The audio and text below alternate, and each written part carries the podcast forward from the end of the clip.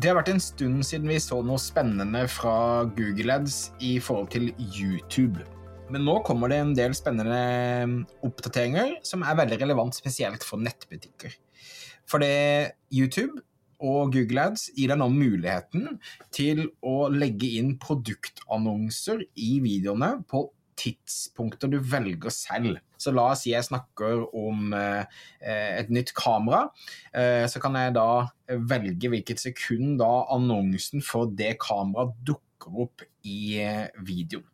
Så tanken her er å gi annonsører mer kontroll, men også da eh, innholdsskapere, de som lager videoene. Så de kan gjøre mer sånn type affiliate marketing-samarbeid, men også da for eh, oss som kjører katalogen inn på YouTube, så vil du da ha muligheten til å eh, vise fram konkrete produkter som du kan klikke og da gå direkte til nettbutikken og kjøpe. Så dette synes jeg er eh, veldig veldig spennende. Det er også da muligheten til å gjøre samarbeider med influensere der de kan gå tilbake i tid og merke alle videoene sine, f.eks., som en sånn spesifikk eh, eh, bemerkelse, eh, og si at det skal linke til dette produktet til enhver tid. Det er kult å se at YouTube nå forstår kraften av den plattformen de har, og eksperimenterer da enda mer med å kjøre katalogen inn i YouTube-videoene med da spesifikke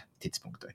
Det synes jeg er veldig spennende og verdt å oppdatere deg om. Hvis du vil ha flere oppdateringer som dette, husk å abonnere på denne podkasten. Det kommer ut en ny episode hver eneste onsdag. Og mitt navn det er Thomas Moen, og vi snakkes igjen neste uke. Ha det fint.